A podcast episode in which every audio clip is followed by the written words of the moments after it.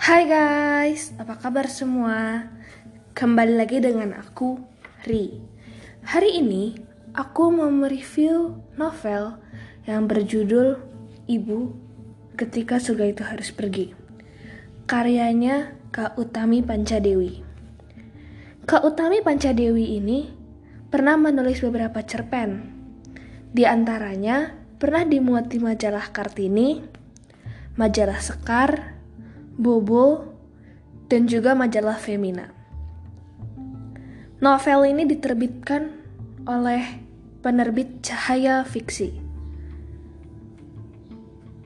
Buku ini memiliki 172 halaman. Waktu itu aku beli buku ini di paperclip. Gimana sih sinopsisnya? Ismail Remaja tangguh yang menjadi tulang punggung keluarga semenjak luka operasi bapak tak kunjung mengering. Setelah bapak meninggal, ibu memutuskan untuk ke Arab Saudi menjadi TKW. Ibu rela menyabung nyawa demi masa depan Ismail dan Aisyah. 20 April 2000, ibu dijatuhi hukuman pancung karena membunuh majikannya, yang padahal itu adalah salah satu bentuk pembelaan diri ibu, karena ibu hampir diperkosa oleh majikannya. Secara refleks, ibu pun memukul tangkuk majikannya dengan penggorengan. Ibu bisa bebas dari hukuman pancung apabila membayar 12 miliar rupiah sebelum 20 September 2000. Setelah diusut, ternyata orang tua Nayalah, sahabat Ismail, yang menyumbang uang sebesar 500 juta.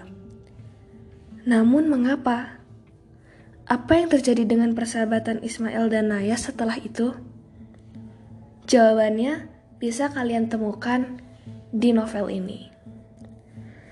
Menurutku, ini cerita buku ini sebenarnya agak mirip-mirip novel kebanyakan. Sedikit banyak tuh endingnya bisa ditebak gitu. Teknik penceritaannya juga hmm, agak lambat gitu, jadi bikin cepet bosen. Yang paling ku suka itu tokoh Ismailnya, yang tangguh dan sayang Aisyah adiknya. Bagian favorit itu ketika Ismail berjualan demi memenuhi kebutuhan hidupnya pelajaran hidup. Banyak pelajaran hidup yang bisa diambil dari buku ini. Salah satunya adalah menghargai dan menyayangi orang tua kita.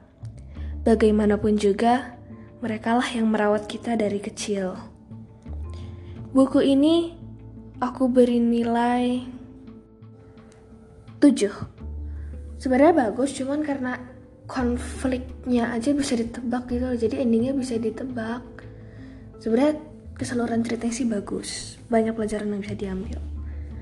Buku ini aku rekomendasikan untuk para remaja dan dewasa agar bisa lebih menyayangi dan menghargai ortu kita terutama ibu